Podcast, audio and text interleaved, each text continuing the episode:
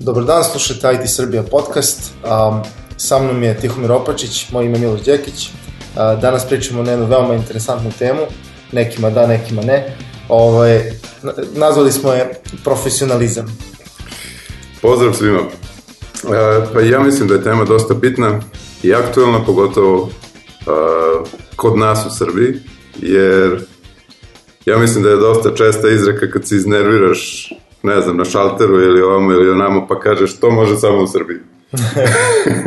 Ali ja mislim da je to opšte prisutno ovaj, kao fenomen u čitavom svetu i profesionalac se postaje tako što ti je stalo do toga da postaneš profesionalac, a mnogim ljudima ili nije stalo ili e, možda ne znaju da treba da.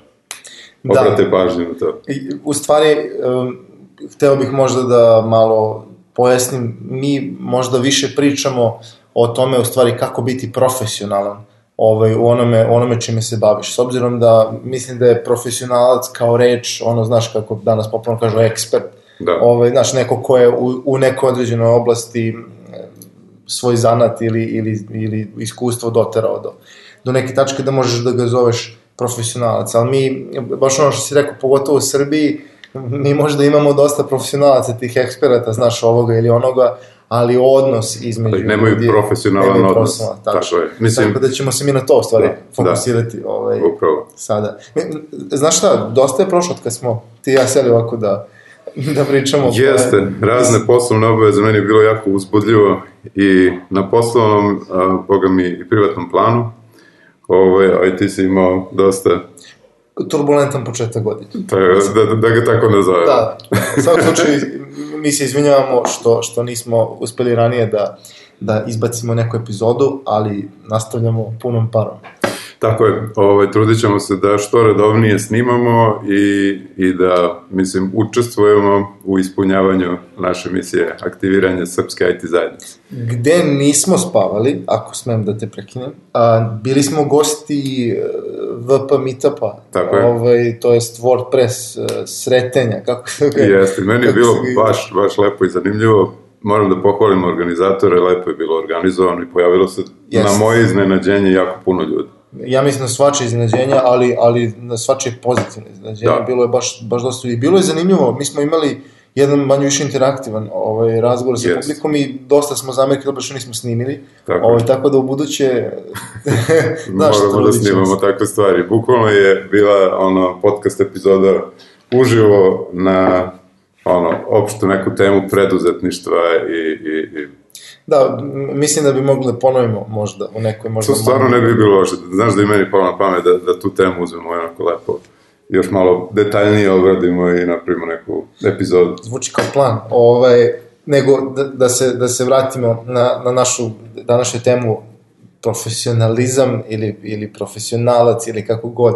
Ovaj, mislim da dosta ljudi se pita jedno pitanje ovaj, pogotovo ovde u Srbiji kad vide neke stvari, jel tako, kako ja da ne budem takav, kako da ja postanem profesionalan, odnosno profesionalac. Tako je. E, Mislim, zašto, zašto je to bitno? Ajde da vidimo zašto je važno biti, na primjer, fair u, u nekom poslovnom odnosu. Pa, to, to se, ja mislim, svode na to, znaš, da li si ti fair inače u bilo kom odnosu, jer poslovni odnos je odnos kao i svaki drugi. Um, kao i drugarski, kao i prijateljski, s tim što su uloge različite i ulog je drugačiji. Znači, u poslovnom da. odnosu pre svega postoji interes. Međutim, e, niš čega što čovek radi ne možeš da oduzmeš to da, da je on čovek. Tako da, e, biti profesionalan u poslovnom odnosu je u stvari biti normalan, biti čovek. Jeste. Mislim, šta znači na kraju krajeva biti fair? Ja nekako mislim da koliko god se čovek trudio da bude ispravan i koliko on smatra da je bitno biti ispravan, da ga nekad okolnosti navedu na loš put, e, gde ne uspeš da ispuniš, na primjer, sve svoje obaveze prema nekome, iako si imao tu nameru. Prosto okolnosti budu takve da, da se to ne desi i okolnosti budu takve da ti zapravo i nemaš neko opravdanje koje bi zadovoljilo tu drugu stranu koja je na neki način oštećena. I ja sam onda u principu zagovornik a, toga da se odužiš na neki drugi način. Um, nije to loš pristup, uh, samo možda ima između toga od kad se nešto takvo desilo do kad si ti pokušao da se odužiš, mada mislim da na, nažalost većina nikad ne uradi tako nešto, nikad se ne oduži, nego jednostavno, znaš, to je to, desilo se, izvinjavam se, ako uopšte dođe do toga se izvinjam. Da. Ali e, ima zato jedan mali, mali problem koji mi je, eto, baš sad pao na pamet. Znaš, kada se desi ta situacija, a desi se neminovno svima, ti ne možeš da budeš najveći profesionalac na svetu, ti ne možeš uvek sve da isplaniraš savršeno i tako dalje. E, dosta ljudi izbegava, recimo, da uopšte saopšti da, da, se do, do ne, da je došlo do neke neprijatne situacije, do nečeg lošeg i, I tako dalje. I znaš što je još ovaj, zanimljivije? Dosta ljudi e, ne predstavi uslugu drugoj strani kao uslugu. I onda ta usluga biva isto zanemarena. Ove, hoću da kažem, na primjer, deseti se neka, neki kiks i, i sad to što ti kažeš, dosta ljudi pokušava to da gurnem pod tepih. Ali... Da po meni je profesionalno i fair da ukoliko postoji znaš, ono, realna šansa da, da će klijent to shvatiti pre ili kasnije, da je bolje da tu informaciju sazna od tebe direktno. I to nego, što pre. Da, što pre, nego da on sam, ili ne daj Bože, posredstvom neke ono, e, druge ili treće strane, sazna da, da se desio problem za koji praktično on biva odgovoran zato što je on tebe unajmio da ga rešiš. Jest. jest. Ovaj, I sad, ajde, desila se situacija, mislim, bože moj, svima se dešavaju raz, različite greške, ali evo, recimo, odlučiš da se odužiš ovaj, saradniku za, za, za tu grešku i uradiš neki kao gest uh, koji, koji u tvojim našom očima će kompenzovati taj, taj problem. Ali, recimo da, da, da to će biti da odradiš neki deo posla u trajanju odlupam, ne znam, 5 sati i odlučiš da ne naplatiš klijentu za tih 5 sati. E, tako je, inače, to što sad rekao je, ne znam da, da li znaš, ali recimo ja baš takav pristup imam kad radim freelance, na primjer. Aha. Sad dobro, manje više u poslednje vreme slabo, slabo imam vremena to da radim, ali kad god sam se desio neki kiks, znaš, moja neka greška da je bila, ja sam uvijek, e, prvo nikad nisam naplaćivao, recimo kad sam programirao, nikad nisam naplaćivao bagove. Znači, znam dosta ljudi koji naprave problem, razumeš, naprave neki bug, ali klijentu predstave kao nešto potpuno drugo i onda mu još i naplate taj bug koji su oni napravili da, da. Da, da, da. da, da, da, da. Znam i, i šta više, sam sam bio u toj prilici dosta puta da sam mogao to da uradim. Da. Međutim, bar ja lično jednostavno ne mogu, znaš, ne mogu... Pa jasno. Ne, ne mogu tako otvoreno da slažem, znaš, e, ovo je bio takav bug i ja sam sad potrošio toliko vremena, platit ćeš mi toliko, toliko dolara. Mm. Znam, ali dobro, to se naš u dužem nekom poslovnom odnosu svakako primeti.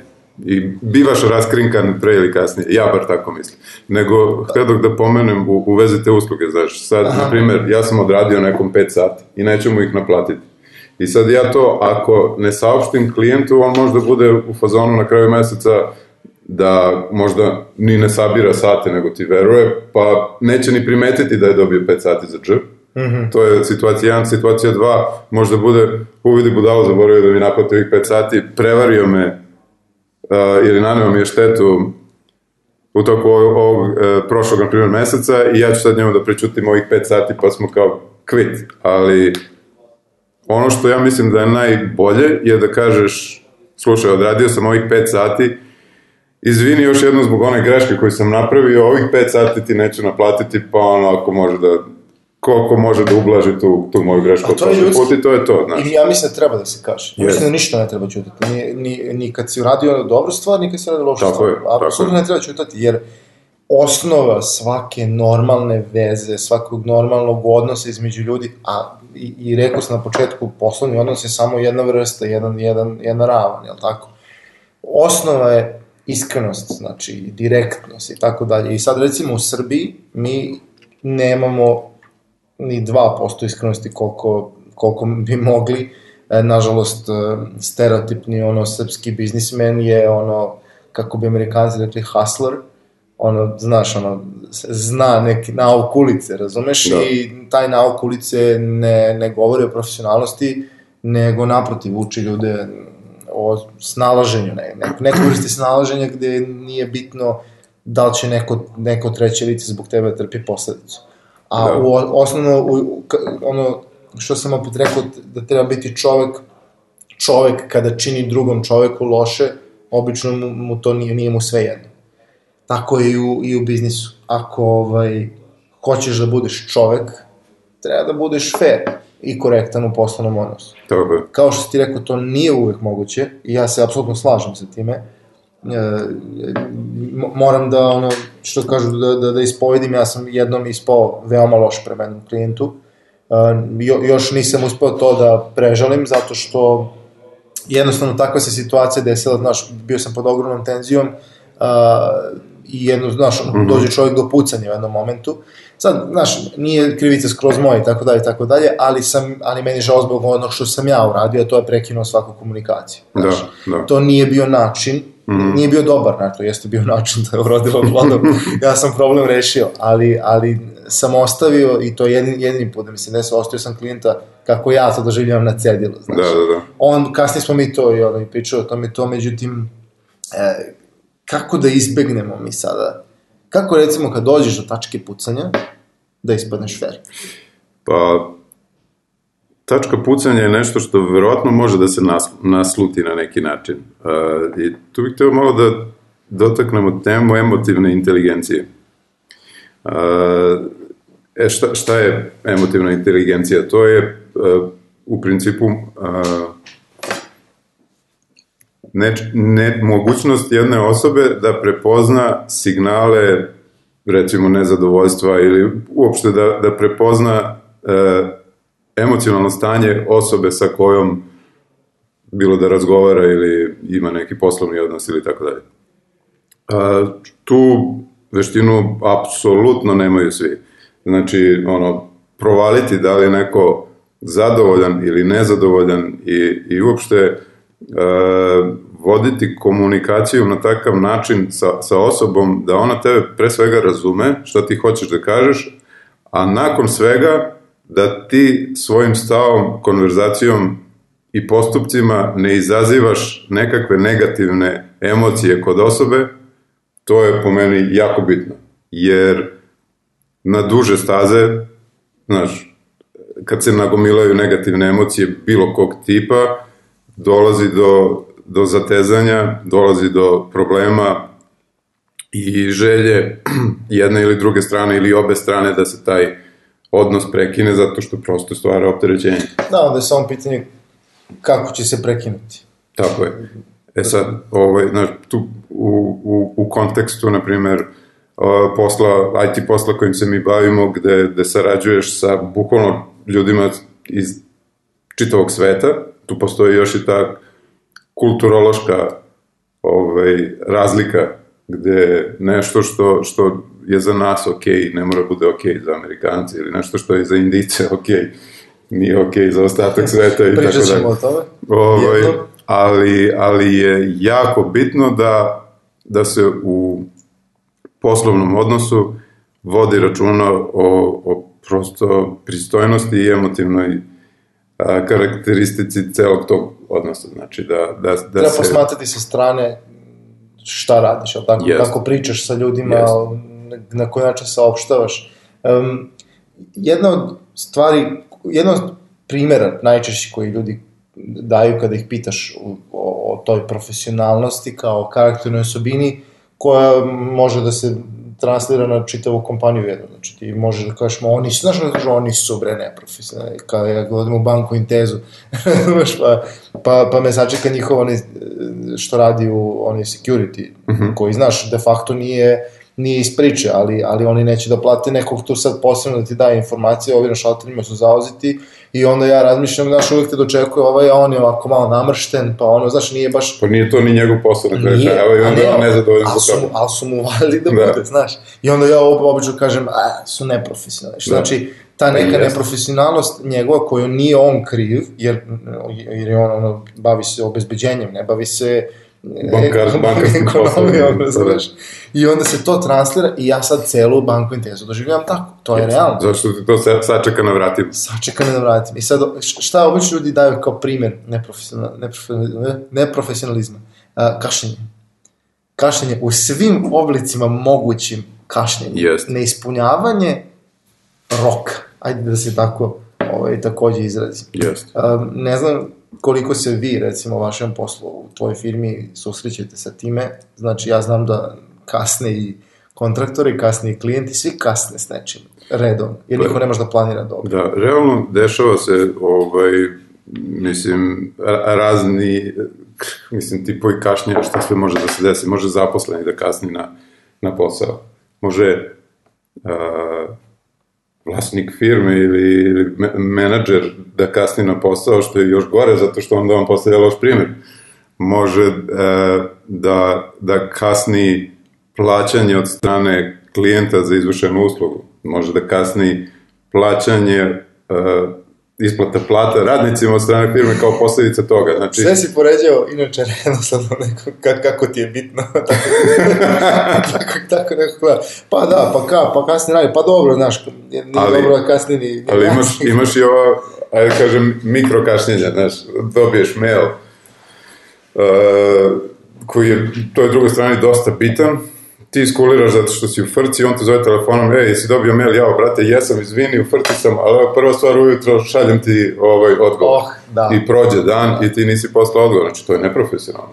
Apsolutno. Pogotovo kad je neka ono, mala stvar, što možda odgovoriš odmah. Tako je. Mislim, naši su, znaš kada naši su stari govorili, što možeš danas, ne- ostaje za sutra. I realno šta god ono ti gurneš u, u taj queue za sutra, to, to odlagaćeš dokle god možeš. Dobro, ali uh, pričali smo već u, ja mislim, drugoj epizodi o načinu kako postati efikasan i kakve alate koristiti i tako dalje i da je dosta bitno, na primjer, dobra organizacija um, i, i, i, i prosto imati pregled svih svojih obaveza na jednom mestu i, i davanje prioriteta određenim obavezama. Ako ta lista na kraju dana ne, ne postane ono prazna, nego se, ne daj Bože, još i uveća, onda nešto nije u redu, mislim, moraš da menjaš pristup, moraš da delegiraš obaveze nekom drugom ili da se rešiš viška, mislim, drugo Tako ne postoji. Tako je, samo bez da presečeš ono motkom, ovaj, pa, pa, pa da neko zbog toga trpi posledice. Ovaj, Pa da. no- normalno. E, ok, znači, rekli smo, znači, kašnjenje, znaš, e, kašnjenje smo, dali smo nekoliko oblika tog kašnjenja, ali e, generalno mislim da nije kašnjenje samo po sebi problem, znači u bilo kom obliku, nego, nego na neki način neiskrenost, neispunjavanje mm -hmm. obaveze za koju se prihvati. To je kao jedna od glavnih odlika zrelosti, znaš, prihvatanje odgovornosti za, za nešto što si rekao, što si dogovorio i tako dalje i tako dalje. Pa između ostalog, čini mi se da je kašnjenje samo neka dalja posledica toga, e, te, te vrste neprofesionalnosti. Znači, ako se mi nešto dogovorimo, jedina profesionalna stvar je da to bude tako. Yes. I ništa, nikako drugačije. Uvek može bolje, ali i to bolje, jednom smo, čini se, pričali u podcastu, i to bolje treba da bude iz perspektive onog drugog, a ne kako je tebi bolje, znaš. Ja sam tebi napravio 100, ali sam ti dodao još dve nogice, zato što mislim da je to cool. Da, Znaš. da, da, da. To, a u, u, u nekom uh, domenu IT-a kašnjenje sa, sa dogovorenim je najčešće pogrešna procena. Znači, ono, time estimate, proceni mi koliko će ti trebati da isprogramiraš ovo i ti kažeš 50 sati, a ono ispadne 100. A moram da, da, da dam ono, kako bi rekli, dva centa e, na tu temu. Znači, razlog što su procene loše nikad nije u jednoj strani. Ne može biti u jednoj strani. A, zahtev koji se procenjuje mora da bude kristalno jasan. Mm -hmm. I tu obe strane moraju biti profesionalne i obe strane moraju da učestvuju u toj proceni. Znači, inženjer je obično onaj koji procenjuje taj neki posao, tako? Ako on 100% razume šta treba da uradi, on će, pa čak i da najmanje moguće iskustvo ima, on će dati solidnu procenu.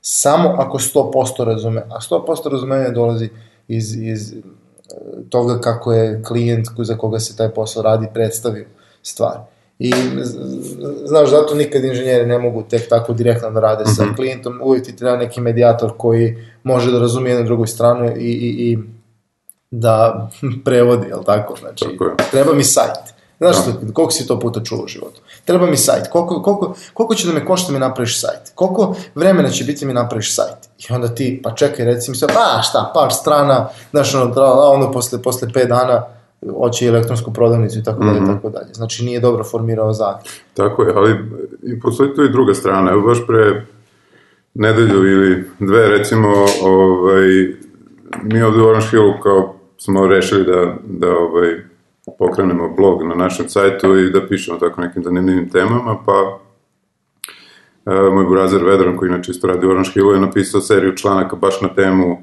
procena, znači kako proceniti projek, projekat i kako biti znaš, najprecizniji, na, donet, napraviti najprecizniju moguću procenu. Jedna od osnovnih e, pretpostavki za kvalitetnu procenu je da si ti taj posao ili sličan posao obavljao nekad ranije.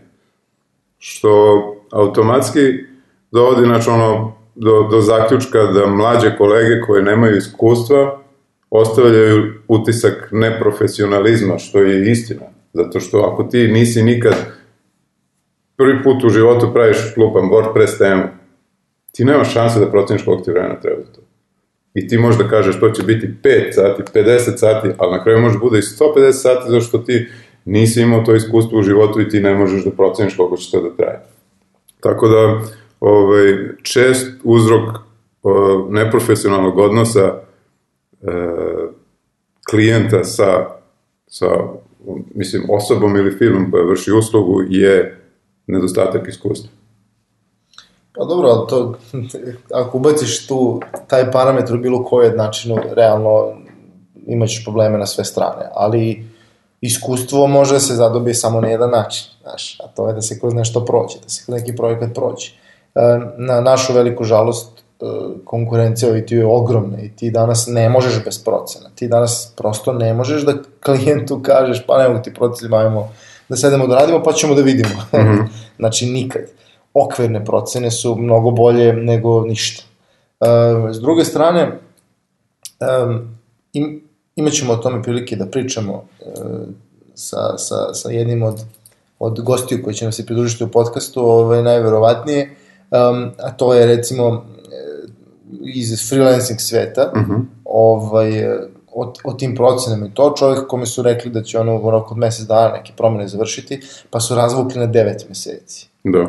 To je zaista ogromno, ogromno kašljenje i strašna vrsta neprofesionalizma. Sad ja ne bih puno o tome pričam baš zato što će nam e, dotični gospodin doći u goste ovako remotely, što bi mhm. rekli, ali ovaj, pa, pa će on sam to ispričati, ali to je toliko, toliko ono nekih faktora ne, tog neprofesionalnog odnosa je on zapazio u radu recimo sa nekim indijskim ovaj, inženjerima, uh mhm. -huh. da, da, da to stvarno ljudi treba da čuju i da, da, da vide koliko to daleko može da seže. Ali osnovna stvar je što su oni sami odlučili da budu takvi. Znači, znaš, nije mi bitno, meni je bitno da zaradim pare, uh mhm. -huh. meni je bitno da završim posao, a da li ću usput to raditi profesionalno, neprofesionalno, ovako, onako, da li ću najbolje moguće rešenje, da li ću to raditi ja ili ću da uvalim nekom drugom pa ću da prestanem, kao kao da sam to uradio, to nije bitno.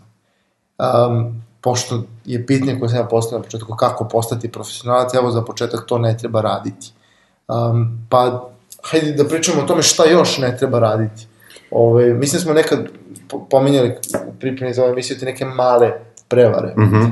Ove, ma, male, pre, sitne prevare ovaj, na poslu. Pa recimo između između radnika, zaposlenog, tako, mhm. -huh. i poslodavca. Da. Kako, kako ja sam mogu da prevarim? Ali sitno, znači ne, ne ono, pa na pare da. znaš. Pa, e, mislim da dosta ljudi to radi na svom putu da postanu samostalni. Dobiješ posao u nekoj firmi gde e, normalno plaćen si da radiš 8 sati, ali ti, na primjer, 4 sata radiš, a 4 sata radiš neke svoje ili freelance poslove ili razvijaš neki svoj projekat ili šta god. To u principu nije fair, ali evo, za primjer, evo pada mi na pamet Jeremy Shoemaker kao tata mata kada je u pitanju prevara tog tipa. On je lik koji je sad već pre 10-15 godina recimo, radio kao sistem administrator u nekoj firmi i e, u principu, znaš kako, posao sistem administratora kad dođe u firmu koja vlada haos je da najpre zavede red. A ti ako si dobar sistem administrator i zavedeš red i napraviš alate koji sami sebe ovaj, održavaju i tebe obaveštavaju ako nešto pođe naopako, ti ćeš doći u poziciju da nemaš šta da radiš. I on je došao u tu poziciju i bukvalno je ono, sedeo na poslu ovaj, 8 sati dnevno i najprije igrao igrice, igre, ono kao blejo i to, i onda je shvatio da naš ono gubi vreme i da bi bilo bolje da pokrene neki svoj online biznis. I on je sad u tih nekih narednih šest meseci ili godinu dana pokrenuo sajt od koga je zaradio pare i zavrteo svoju malu imperiju. Ovaj, znači, Shoemaker, Šumani, kako ga zovu, on je jedan od sad vodećih um, marketera u IT svetu, da kažem. I evo, to je bio njegov put do, do uspeha. Ne kažem da, da je poslodavac u ovom slučaju bio zakinut, ali on je mogao da bude 100% fair i da u tih 7-8 sati koje je sam sebi oslobodio u toku tog radnog vremena prijavi kao poslodavcu i kaže slušaj ja imam toliko i toliko vremena daj da vidimo gde mogu još da doprinesem u razvoju firme. E, to bi bilo po mojom mišljenju isto fair i profesionalno. Tako e, jer a nefer je onoliko koliko ti u stvari moraš da slažeš ako te neko pita jesi radio danas, je li da, tako? Da. E to je, to je ono što ne I, I gde te pita da napraviš report na kraju dana šta si ti, šta si ti radio. Da li je on pisao onda u report? Od toga. Ove, napisao je možda u report, ok, ja sam danas proverio da li sve mašine rade, desio se kvar na toj, toj, toj mašini koji se koji sam ispravio, u stvari nije ga on ispravio, nego sto automatski nešto restartovali, šta god. Možda je tako to izgledalo. Moguće, moguće, ali je svakako bilo laž. Mislim, to je, to je čak, čak možda i ne toliko mala prevara. Znači, prvo, mislim da ovde u IT svetu realno svi nešto rade svoje. Znaš, mi kažem svi. Mnogo, mnogo, puno ljudi ima neki projekat, znaš, pa mm -hmm. ili, ili sajt, ili blog, ili e, prave neki proizvod i tako dalje i tako dalje. I nerealno je od ljudi očekivati da budu 100% fokusirani na svoj posao. Naravno, mi smo u fokusu pričali koliko on bitan i tako dalje. Jedino, ono što mislim da je normalno i ono što ti potpisuješ kada se zapošljavaš negde i ono što ti, kak, dogovor koji praviš je da ćeš ti taj određenu količinu vremena posvetiti tom poslu. Tako je. I e, prvo loše je kada na poslu nemaš šta da radiš. To je veoma, veoma nezdrav proces dešava se i svi inženjeri pate od toga. Ja, samo da ne dođem to, nemam šta da radim, poludeću. Da. Jer onda, znaš, kad si negde na poslu, eto, taj shoemaker je imao možda sreću da na poslu je bio izolovan, vjerojatno, pa je mogo da radi nešto skroz svoj, da ga niko ne dira. Pa da. To obično ne možeš da radiš. Mm -hmm. Tako da, e, mislim da te bilo kakvu vrstu tih malih prevare slično treba izbeći da, da ti sediš da praviš recimo svoj svoj neki software, znaš, startup hoćeš da lanciraš, a sediš kod nekoga i naplaćuješ mu to, to apsolutno ne može biti. Okay. Uh, svojim projektima se možeš baviti u slobodno vreme i to je, između ostalog, biti profesionalno. Uh, Jeste, ali sad postoji druga strana medalja. Ako sam ja, recimo, plaćen da obavim posao ajde, banalizujemo, održavanje nekog sajta. I ako taj sajt radi perfektno i ako ja nemam drugi radni zadatak u toj organizaciji, zar nisam ja onda čist pred Bogom i pred ljudima ovaj, što se tiče mojih obaveza i, i, i, i to što ja nemam šta da radim u preostalo slobodno vreme. Ako to kriješ, ne možeš biti čist ako to svi znaju, ako mene pitaš, ako to svi znaju, ako svi znaju da ti ono si svoje završio i sad si na stand-by, oni plaćaju tvoj stand-by, meni je to sasvim okej. Okay. Ali Da. ako, ako neko misli da ti radiš 8 sati, a ti radiš 2 sata, a 6 sati da imaš nešto, nešto svoje, to ne može biti profesionalno. Jer, jer, jer je to bolestan odnos, to je moje mišljenje, naravno. Ne, ono, ono što sam od, odmah u startu rekao, bilo koji odnos, dosta se temelji, ako ne skroz, na iskrenosti i direktnosti. Mhm. Ne postoji ništa iskreno u tome da neko misli da ti radiš nešto što ne radiš. I to ne može biti profesionalno. Um, mi, mislim da s druge strane ima jedan kontrast na ovo što smo sad uh, pomenuli, a, a to je kada daš malo više nego što se od tebe očekuje. A, misliš, na primjer, radiš prekovremeno, a, e sad, da li radiš prekovremeno zato što te teraju ili zato što sam želiš da doprineseš više, to je bitna i velika razlika. Ako ti neko tera da radiš preko vremeno, a, to je neprofesionalno. Ne možeš nikom ništa da teraš. Međutim, ok, živimo u Srbiji, Možeš, možda kažeš, brate, ako hoćeš ovaj, posao gde ne radiš prekovremeno, idi i zaposli se u državnu firmu i radi za platu od 300 hlebova. A, da se razumemo, mislim da je nerealno terati nekoga na to. Mislim da kada se neko zapošljava u firmu da mu treba odmah jasno napisati, ono, saopštiti, i to je između ostalog profesionalizam. Vidi, mi ponekad zaglavimo kad je frka na projektu, da li od tebe e, mogu da očekujem da ćeš raditi preko vremeno, naravno ne mogu sad ono da ti obećam da ću da ti platim baš preko vremeni sat, ne znam ovako onako, ali ako bude meni dobro, bit će i tebe. Mislim da je to profesionalno. skroz slažem sa tim i to treba da bude jedna od tema e, na samom ono, intervju za zapošljavanje, odnosno ono, finalnim dogovorima pre nego što se zapravo potpiše ugovor, ali ne možeš zapravo da nateraš nekoga da, da, da radi prekovremeno, ovaj, ukoliko on to ne želi, ali mislim, na kraju krajeva, ukoliko se desi takva situacija, vjerojatno će doći do raskida tog poslovnog odnosa, jer pojavio se moment koji nije bio najavljen kad smo se dogovarali o poslovnom odnosu i zašto sad e, zahtevaš od mene nešto što ja ne želim ili ne mogu da radim. Tako da to je po meni ok. S druge strane, ako postoji kompenzacija uh, definisana ugovorom o radu, mislim, ono, da se zna koliko je radni sat van radnog vremena i tralala i da ti najaviš zaposlenom, ej, slušaj, ovde će verovatno biti overtime, jel možemo da se dogovorimo da radiš, jel možeš da radiš, ako ne možeš daj nekoga ću da outsourcujemo, da znamo napred i to. Takve stvari se dogovaraju i to je normalno. I to, to način koji si ti sad opisao je profesionalan. Jel bilo šta drugo, znaš da ti nekome baneš, ono, uslovno rečeno i kažeš, e, sutra radimo, razumeš, do 10 uveče, Da. ne zanima me da li imaš nešto ili nemaš, Tako je. to ne može biti profesionalno. Niti može biti profesionalno od zaposlenog, recimo, da, i, recimo, da, da kaže, e, kao, ne, neću da ti radim, razumeš, ono, tek tako, da to ne, nije razumno, da to... Ali treba napraviti razliku između prekovremenog rada koji nije uzrokovan neprofesionalnošću zaposlenog od onog koji, za koji je sam kriv. Jer recimo da, da je potrebno da se neki feature implementira na neku aplikaciju, nebitno je, i razgovara se sa zaposlenim, jel možeš ti to da uradiš, možeš, e, do kad, do četvrtka, ok, važi, siguran si da može, može, I onda ti računaš na njega. ti računaš da će to biti u četvrtak i dolazi ono, ne znam, 15 h u četvrtak, je gotovo, evo, evo sad će, i ti pogledaš gde je to, a ono puno rupa, znaš, ono, ti skapiraš da to neće biti ni do ponedeljka ovim tempom, kao i do četvrtka, onda kažeš, brate, ti si rekao da će ovo biti u četvrtak, ima da sediš sad do ponoći ako treba i da ga završiš. Jesi rekao? Jesu.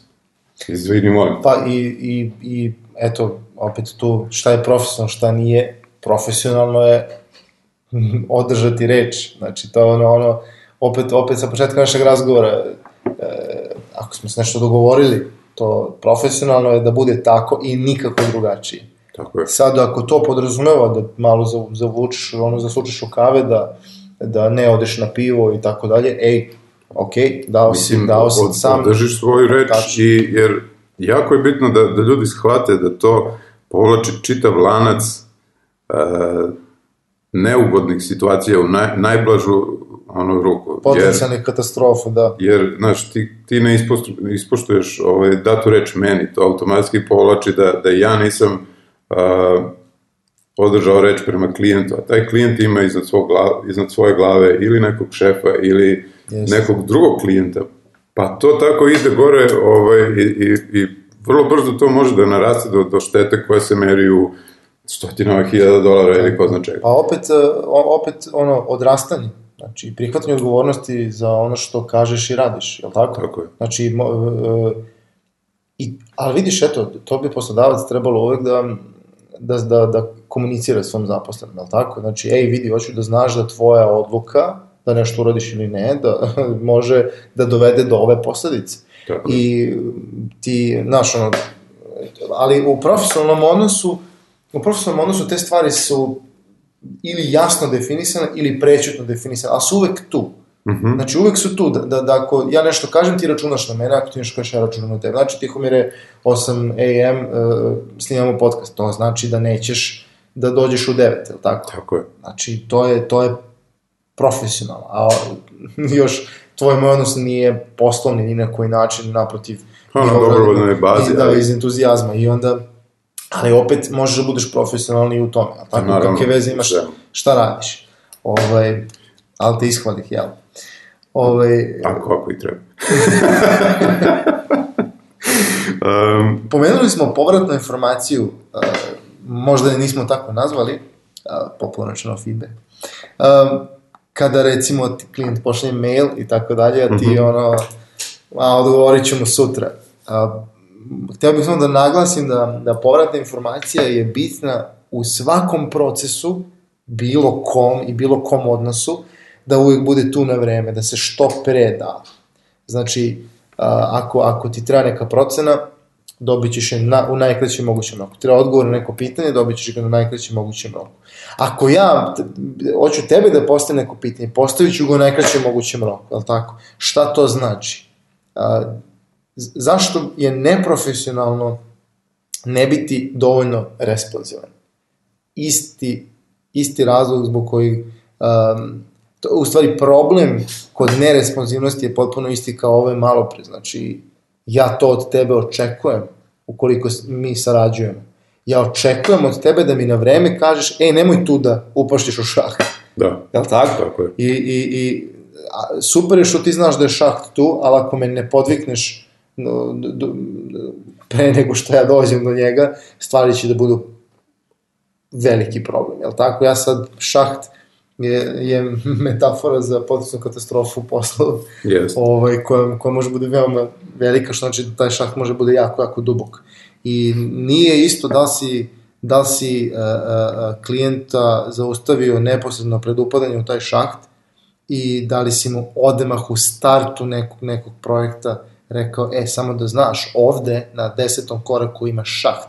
Mhm. Jel tako? Tako. Ogromna je razlika. Da si to rekao na početku, da si rekao neposredno pred šaht i, znaš, ako ne kažeš, onda Upadate svi zajedno, je? Apsolutno. Pa nekad ne, ali mislim, to je ta raspoda odgovornosti koje, koje je Jest. bitna. Plus transparencija, uh, transparentnost procesa. E, baš kroz tu uh, čestu i redovnu komunikaciju ostvaruje se transparencija koja je najbitnija za kvalitetan poslovni odnos, jer ako se kod mene gomilaju problemi i ja to iskomuniciram klijentu tek nakon pet dana kad su se ti problemi već onako žestoko nagomilali, onda se klijent nalazi u ogromnom, takođe, znaš, odjednom si mu natovari ogroman Jeste. teret I osakaćen je da donosi na dobro. i on ne može da ih reši na način na koji je možda mogao da reši u samom startu, kad su problemi krenuli da se uopšte pojavljuju. Tako da, treba biti iskren uh, u svakom trenutku i ne dozvoliti da se, da se o problemima priča tek kad oni praktično postanu nerešivi. Mislim da je to ono od presudnog značaja Da, za, za, Tako je, opet se vraćamo znači, na iskrenost, u, u ljudsku, to je ljudska stvar, tako i opet ponavljam, bilo koji odnos, to je odnos između ljudi. I što si ti bolji čovek u tom odnosu, to je odnos profesionalni. Evo, sad mislim da smo, da možemo da napravimo tu povezanost. Um, takođe, mislim da je to između ostalog jedno pitanje koje sam ja hteo da postavim e, negde pred kraj, e, a to je, znaš, kako da znam da, da neko profesionalno, voleo bi da, da, to pokušamo da odgovorimo, ali, znaš ono, hteo sam samo da skrenem pažnju, znaš ono kad ljudi deluju ti da muljaju, pa ti pričaju stvari, znaš, može da ti kaže direktno, a opet nešto okoliša, levo, desno, vamo, tamo, da li je to profesionalno? Iako on iskomunicira tebi zapravo, ali ne direktno. Ha, sad, ovako, sad, sa mojim proširenim iskustvom, gde sam imao prilike da pričam sa ljudima koji, koje ne srećeš često u životu, neki onako, aj kažem, krupni investitori koji su prošli sve i svašta, koji su u fazonu, on ni ne mora ništa da radi u životu. Hm. Oni su posebna kategorija ljudi koji bi ja izdvojio iz cele ove priče kako prepoznati profesionalce, zato što oni su toliko abstraktni u, u svojoj komunikaciji i u, i u načinu ovaj, uopšte njihovog obhođenja prema poslu i svemu, zato što, znaš, što se njih tiče, taj posao može da uspe i ne, može, ne mora da uspe iz njihove perspektive. Bilo bi dobro da uspe, ali ako ne uspe, oni neće da propadnu, tako da su vrlo opušteni i ti često to možeš da smataš neprofesionalizmom, u stvari je to neka onako vrlo velika doza opuštenosti i i prosto posmatranja tebe i procenjivanja tebe kako reaguješ na različite naš ono njihove trikove i fore i fazone. Da vide da li s tobom, na primjer, da uđu u neku saradnju ili ne, da li si vredan njihovog vremena ovaj, ili ne. Ali, što se tiče um, ono, ljudi koji su da ne mogu da kažem manje uspešni nego na, na recimo početku ili, ili nekoj sredini karijere, um, profesionalizam, odnosno njihov odnos prema poslu, se najčešće vidi iz baš tog kašnjenja, na primjer. Ako ti sa nekim zakažeš razgovor ili preko, ili online, ili uživo, i taj ti neko kaže, izvini, molim te, ovaj, upao sam u gužbu, evo neka gužva na, na Brankovom mostu, ne znam šta da radim, zakasnit ću 15 minuta. I onda ne, ne zakasni 15 minuta, nego zakasni da, 45 minuta. I on ti se pojavi i priča s tobom i frka ovo ono, ok, mislim, prođe taj razgovor, dešava se da, da stvarno bude gužva, ne možda predvidiš ni koliko će ti trebati negde da stigneš, ali ako sledeći put, jo, brate, ne znam šta je s ovim Brankovim mostom, samo neki haos. Stižem, stižem i opet naša ista priča, tu je već naša ono žuta zastava. I, i, I ako se to desi i treći put, onda je ta osoba očigledno u problemu kašnjenja, znaš, ono, ima ljudi koji ne mogu da kontrolišu svoje kašnjenje uopšte u životu, pa njima je to možda normalno i prosto, znaš, ono, je njima normalno, ok, nek nađu nekog drugog kome je isto to normalno, pa nek sarađuju, ali ja bi ga izbjegavao. A, a ljudi koji kasnite, a, prestanite da kasnite. Zato što to smara, proizvodi a, loš, loš emotivni odjek kod uh, sa, ono, mislim, loša strane sa kojom sarađujete i to je, to je jako, jako, jako loša stvar. Ozbog se nađu isti, znaš, ono, slični karakteri, ono, pa svi kasnije, to mada ja ne vidim kako bi ta kako te, ti procesi funkcionisali da. kad bi svi kasnije. Drugo što, što, mi, što je meni bilo interesantno i što ovaj, sam direktno čuo od jednog kolege, drugara mogu da kažem, je odnos prema prema rokovima. Sad, to nije kašnjenje u smislu Uh, ono, zakasnio sam zbog, zbog toga što, što ne znam, nisam, nisam uhvatio prevoz za vreme ili šta god, nego kad se postave rokovi za projekat i kad su oni realni, a, a njegov odnos je takav da ok, u fazonu, danas mi se nešto ne radi pa ću malo da izblejim, ajmo na kaficu pa vidiš što je lepo vreme, sednemo malo pa ćemo onda da se vratimo i to. I onda ti kad pričaš s njim, kao, pa brate, što si tako opušten, bre, imamo još, znaš, ono, pet dana, hoćemo stići, ma stići ćemo, brate, opušteno. Pa šta i da ne stignemo? Mislim, šta će da se desi? Kao realno, pa neće da propadne sve. Znaš koliko puta sam zakasnio ništa se nije desilo. Nisam dobio otkaz. Firma nije propala, nije mi kasnila plata. Znaš, nisam osetio nikakve posledice s toga kakva je frka sad, znaš, ono, ako zakasnim sat, dva ili pet, pa neće da niko propadne kao što si, znaš, pa za ono što si bič. Nemoj da ga upoznaš sam, osim ako ga ne znam, ali ovako, hteo bih da dam odgovor na, na, na ovu, ovu priču.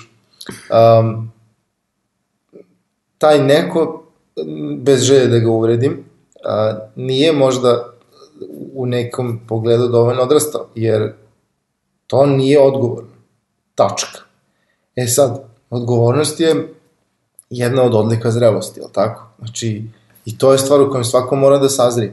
A, samo zato što se nije desila posledica nečega što sam ja uradio, ne znači da se neće desiti. I to zna svako ko je, recimo u srednjoj školi, pa znaš, ono, sad nisam učio za, kako se to zove, kontrolni mm -hmm. ispit, kontrolni, je tako? Pa sad sam se provukao, a sledeći put, znaš, pitanje je da će to tako da ti prođe, brate, nisi ništa seo da naučiš. Znači, to je čista jedna, ja mislim, ne, ne, čist nezreli stav. Znači, znaš, ono, ako prođe, prođe, teram dok može. Yes. Jer je problem suštinski što kada dođe, došlo je i posledice će biti ogromne. Znaš. Što nego je više puta je taj dotični osetio posledice, a mislim da ništa nije naučio.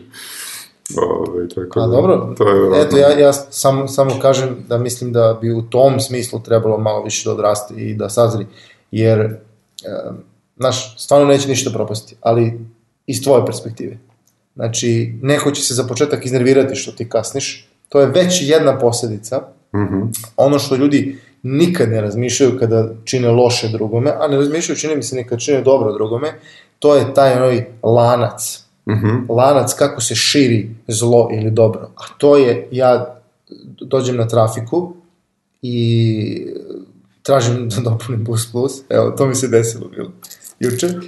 E, I nasmejem se tamo gospođi koja radi na trafici. I ona, i nasmejem se, znaš, neopravdano, onako, iz čista mira, nije otkuda. I ona primeti da, se, da sam se nasmeo i znaš, onako začudi se i onda se i ona nasme. E, sad kad ja odem, završim to sve lepo, doći će neko drugi i onda će se ona nasmeti njemu. Tako je. I to da, ide dalje. Jest.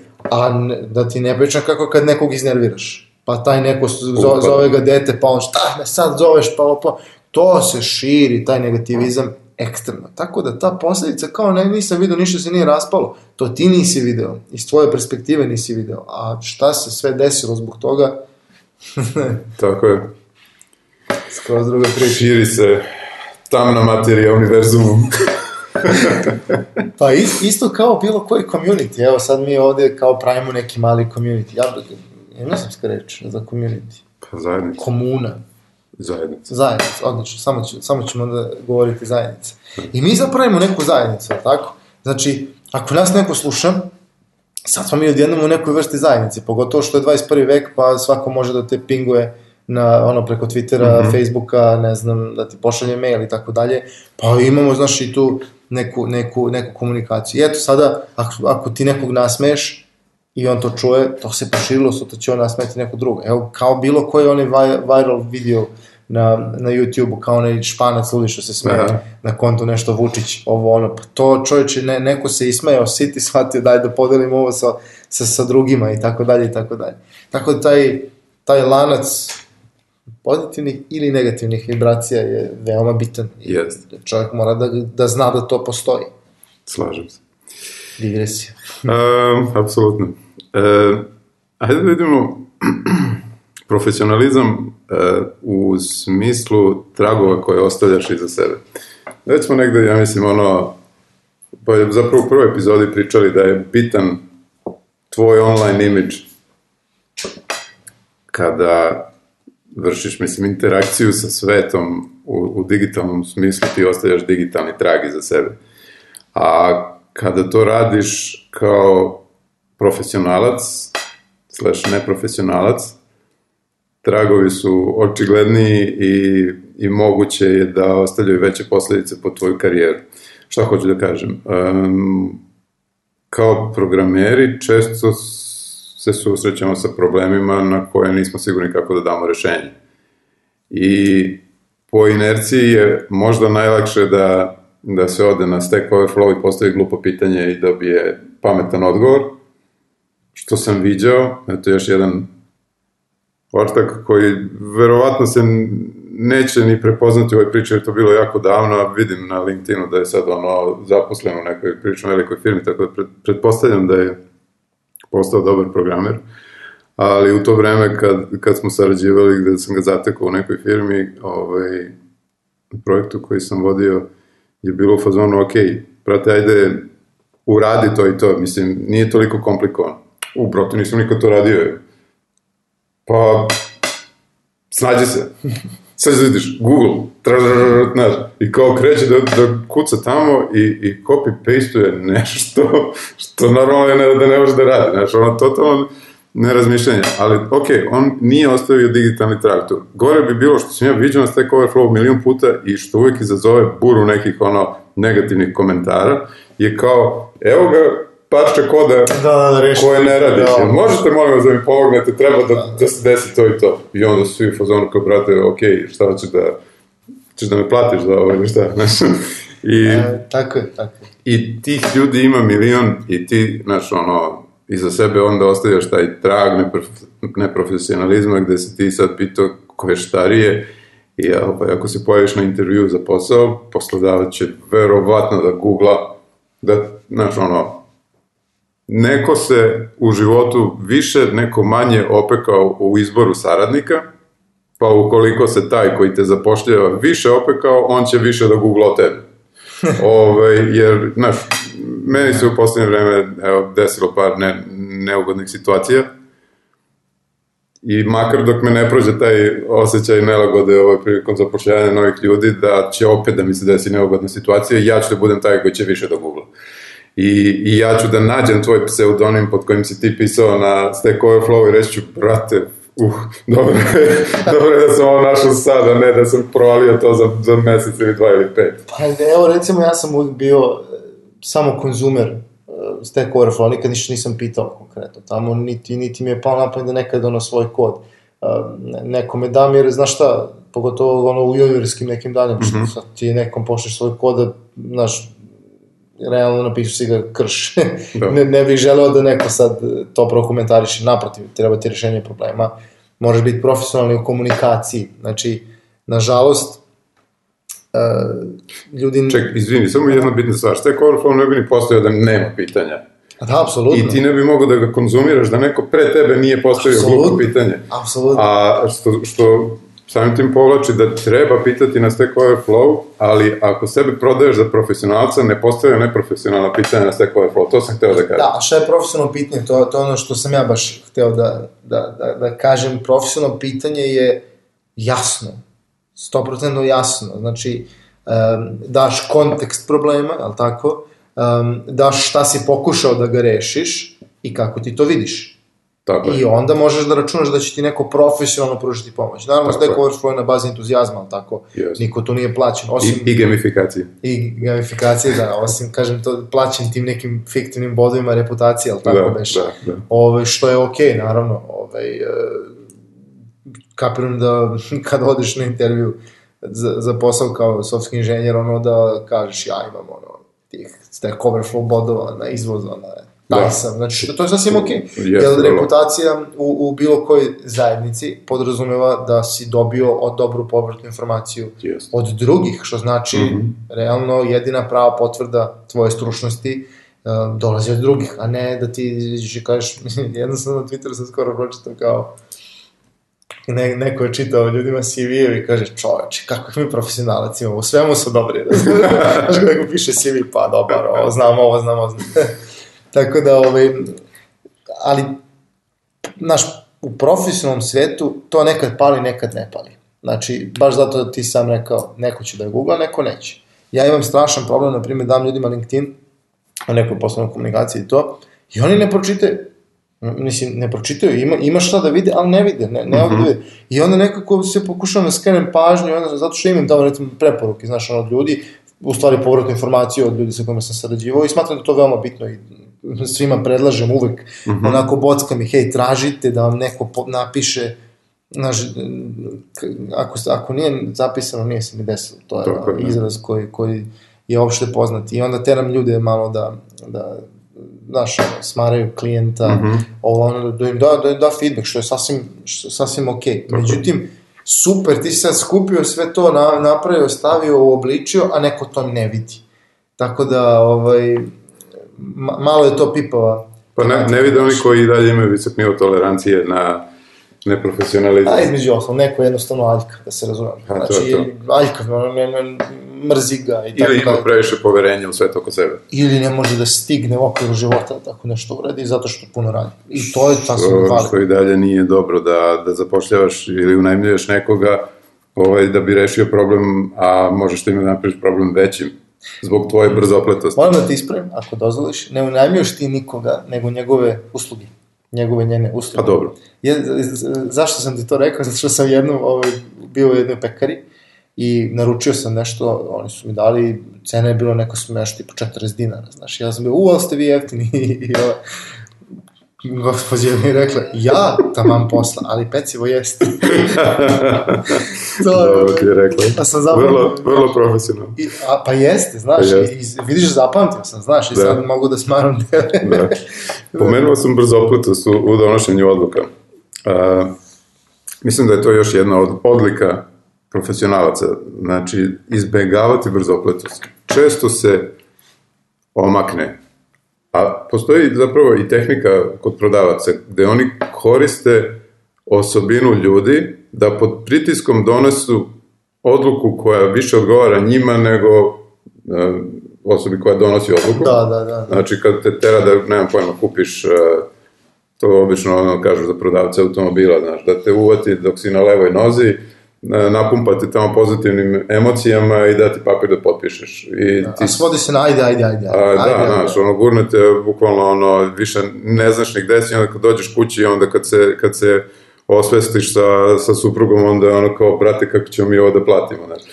E, ovaj, znači, to je ta osobina koja re, realno postoji kod ljudi, da pod utiskom nekih pozitivnih emocija doneseš brzopletu odluku, koju, zbog koje ćeš kasnije verovatno zažaliti. A, to treba izbegavati u poslu, ne zato što ćeš ti da zažališ, nego možda zažale svi, sve osobe koje su uključene u proces.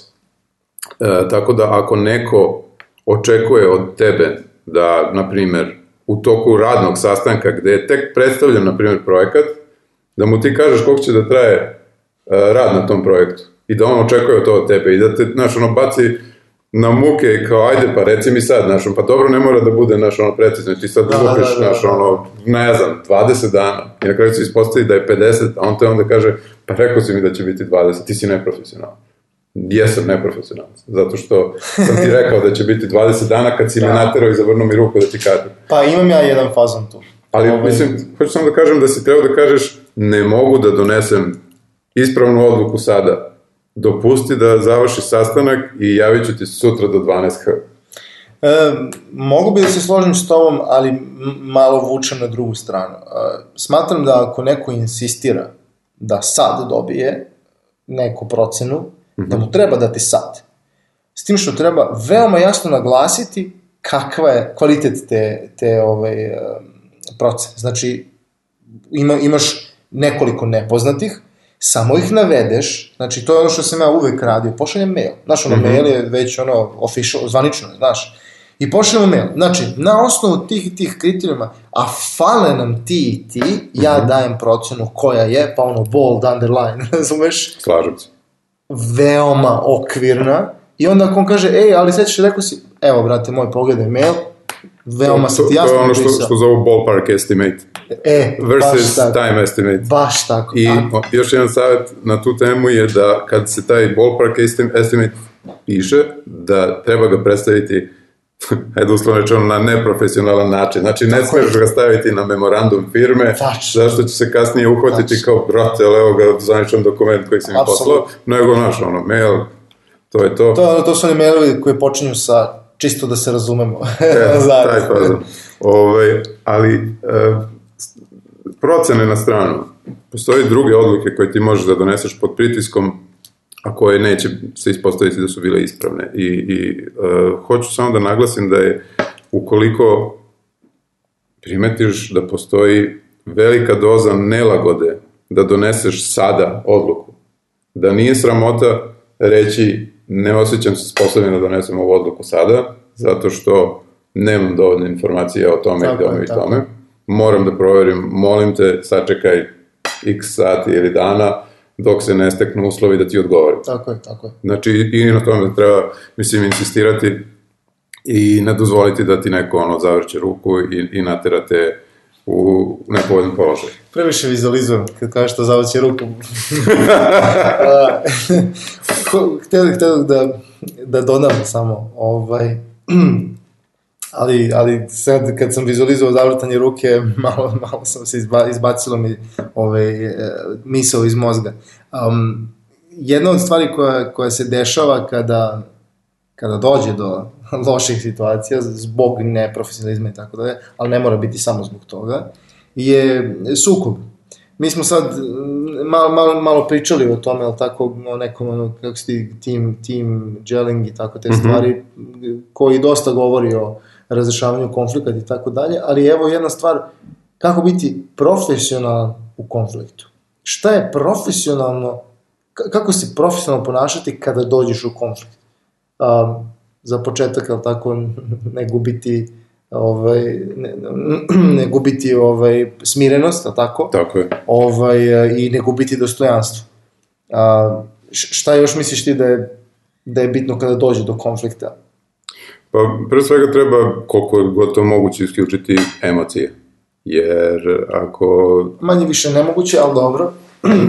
Mislim, da, znaš ono što, što imaš fazon sa decom, ako dete uđe ono, u žutu minutu i nemaš da ga smiriš, odvedeš ga u sobu i kažeš ono, ajde sad tu sedi i broj do deset, znaš, ono, i ti idi negde, sedi i izbroj do deset i onda se vrati za, da, uštini se... za pregovarački sto ili šta god. To je, to je jedna stvar, znači ne dozvoliti emocijama da, da ti zasene ono, moć rasuđivanja, jer, jer najčešće nećeš doneti nikakvu pametnu odluku, nego ćeš verovatno ovaj, dodatno es, eskalirati situaciju i, i to će onda, mislim, ono, do, dovesti do mega kraha. A, osim toga, bitno je, ja isto mislim, mislim, ono, pristojno je makar ne upirati prstom ovaj, na, na, mm -hmm. na onoga ko je, za koga ti smatraš da je kriv za nastalu situaciju bez da imaš ono, konkretne argumente. Pa i ne gurati namerno nekome krivicu. Ima ljudi koji to rade ovaj, veoma, veoma intenzivno, znaš, kao bez obzira što je on kriv, on pokušava to da predstavi kao da si ti kriv da bi ti trpeo posledice i tako dalje i tako dalje, ali to je to, to se definitivno dešava kada, kada dođe već do konflikta, znaš. Tako je. Ovaj, naravno, treba biti maksimalno profesionalno do kraja, da, da ne dođe do konflikta. Ali ako je došao do konflikta, uh, osim što treba sačuvati dostojanstvo i smirenost i to, treba, treba sačuvati i profesionalnost. A, a profesionalizam, a to ponekad podrazumeva um, uh, da ti kao um, kao pojedinac se baviš ne problemom o kojeg je došlo, nego rešenjem tog e, problema. E, to je odlično. I da se fokusiraš na, na rešavanje na nastale situacije, a ne na problem. Jer dogod se fokusiraš na problem, mislim da će ti teško biti da sve ono ostalo uradiš. Da zadržiš dostojanstvo, da zadržiš smirenost i tako mhm. dalje i tako dalje. Nego, brate, sagledaj problem, stavi na papir, ako treba nacrtaj ono veliki krug, ono u njemu piši šta se sve desilo i onda bavi se, razumeš, ono kako da taj krug rasturiš, jel tako, i, i, tako je. i da problem, to jer, je profesija. Jer, uh, mislim, fokusiranje na problem, kao što si rekao, i ako se dozvoli da emocije preuzmu, to dovodi do uh, spaljivanja mostova iza sebe, ono, kao što si ti rekao, prestaneš komunikaciju sa klijentom i, i, i rešio si problem da se desilo jednom u životu, ali da se zbog toga zažalio. Uh, mislim, nije dobro spaliti mostove iza sebe ovaj, i, i, i reći ja više u životu nikada neću sarađivati sa osobom men ili ovom ili onom, jer ne možeš da sagledaš posledice koje takav tvoj postupak može da ima. Na, na kraju krajeva, da. odluka da spališ mostove za sebe je verovatno doneta pod pritiskom tih ne, negativnih emocija koje su bile prisutne na obe strane i ti u tom trenutku možda smatraš da si ti apsolutno u pravu, ali kad prođe vreme i kad se smire strasti i kad se ovaj, raščlane objektivne posledice, odnosno objektivni uzroci koji su doveli do tih posledica, ti možeš da zaključiš da si na kraju krajeva ti bio u krivu i šta onda? Onda si ti ostavio iza sebe vrlo jasan trag tvog neprofesionalizma koji će ti Da. smetati u daljoj karijeri da, znaš, ono, usporavat će te, bit će ti ono, kamen oko vrata koji će te vući nazad i tako. Bi da ti ovaj, da dam u stvari još mali, mali onako, jedno, jedno zrno i još informacije u vezi tog mog spaljivanja mosta, kako, Mhm. kako, kako ga ti zoveš. A, prvo, mi, mislim da totalno treba nekada da odlučiš da, da sa nekim više nikad ne sarađuješ. Samo mislim da je bitno da budeš profesionalan u, u, u raskidanju te saradnje. Znači, totalno podržavam ono, i, i znam ono da sam sam rekao, ja nikad više sa ovim ljudima, tako i to mi je u redu. Znači, iskreno, zato što, znaš, postoje ljudi s kojima jednostavno ne možeš da sarađuješ. Ali, ali je problem kako tu saradnju prekineš. Evo, ja konkretno taj, taj moj, ne, to moj neprofesionalno prekidanje saradnje se desilo zato što sam imao klijenta koji je imao zahtev, koji smo mi počeli da radimo, bi bila je procena i tako dalje, i tako dalje, a onda je stalno nešto ubacivo, dodavao novo, znaš. I onda u jednom momentu kada smo probili svaki mogući rok, zato što, znaš, ono, sve vreme je dodavao nešto novo, pokušavajući onako e, lukavo da provuče u budžet projekta, što mm -hmm. naravno kod mene nije prolazilo. U jednom momentu je rekao veoma pogrešnu stvar, a to je sad moj biznis trpi zbog tebe.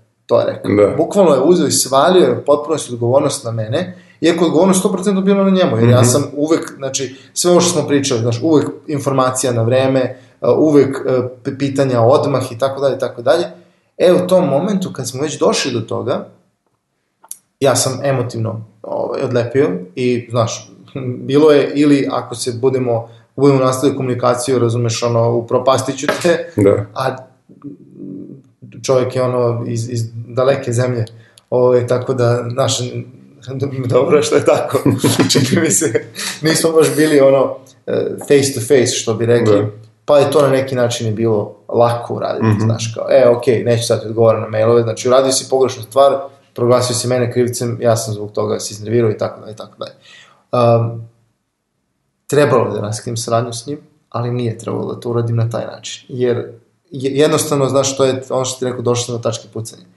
To znači da sam ispao neprofesionalan, znači nisam uspeo niti da sprečim tu tačku pucanja, niti kad je došlo do nje da emocije sa strane, idemo se bavimo rešenjem problema. Tako je. Eto, to je nauk moj veliki Jeste. i ovaj, jednostavno mislim da sam dosta naučio i mislim da ću uvek iz toga imati ono, mogućnost da izvučem neku pouku. Um, znaš, da, da ne ispadne da sam ja bezgrešan u tom smislu, ovaj, najbolje se uči naravno na sobstvenim greškama i imam sličnu priču. Uh, postoji neka, ono, višegodišnja saradnja sa, sa jednom firmom ko, gde smo, ono, iz godine u godinu ovaj, rebuildovali neku aplikaciju. Mm -hmm. To je tako trajalo 3-4 godine i saradnja je bila odlična, znači svi su bili zadovoljni ovaj, u tom procesu, dok se te poslednje kobne godine nije desilo da je na ceo projekat uh, ušao neki project manager prvi put ono, i uneo blagu pometnju u čitav proces, što je ono postepeno bez da je iko obratio pažnju na, na tu činjenicu, dovelo do, do raspada, znači nije ispoštovao na kraju rok, I onda je ono, do, došlo je do rasta tenzija i, Da, da, da. i svako je smatrao da nije njegova greška što je došlo do toga i, i onda su tu krenuli neke ono teške reči i u fazonu ja ne mogu da verujem da, da mi vodimo ovaj razgovor, znaš, to. ta, ta vrsta situacije. Baš I šta sad, znaš? Ovaj, imao si saradnju od nekoliko godina uzastopce koja je bila ono fenomenalna i sad zbog te, zbog toga što, što je do, ono, prosto dozvolio sam da situacija eskalira, Mm -hmm. mi sad više ne radimo taj projekat, prekinuli smo saradnjom, makar dok se ne iskuliramo, pa Da, da, da. znaš, ono, zaborave svi šta se desilo ili smire se strasti, pa ono, znaš, iskreno, to, to je toliko sad ono bilo eskaliralo da, da ni ja, sve da su mi nudili, ne bih prihvatio da, da, da nastavim rad na tome. A isto tako i veru- verujem da i oni su u fazonu kao, ma daj kao, znaš, ono, Da, da, po srpski, podžapali ste se. Pa to. Podžapali ste. De, desi se, mislim, o, o, evo, ja već stoti put vratit ću na onaj početak. Svaki odnos je odnos između ljudi. I mi smo ljudi, znaš. Yes. I sutra Tihomir i ja se podžapamo i podcasta nema tri meseca. Taj pa, mislim, znaš, ono, o, o, situacija ne liči na mene, ja nisam osoba koja se lako izbaci iz takta. Ali eto, znaš, ono, svakom se desi i, i niko nije imun na taj problem. I meni je jako krivo što se taj problem desio, jer mi je bilo jako cool da radim na tom projektu, ali mislim, šta da radim.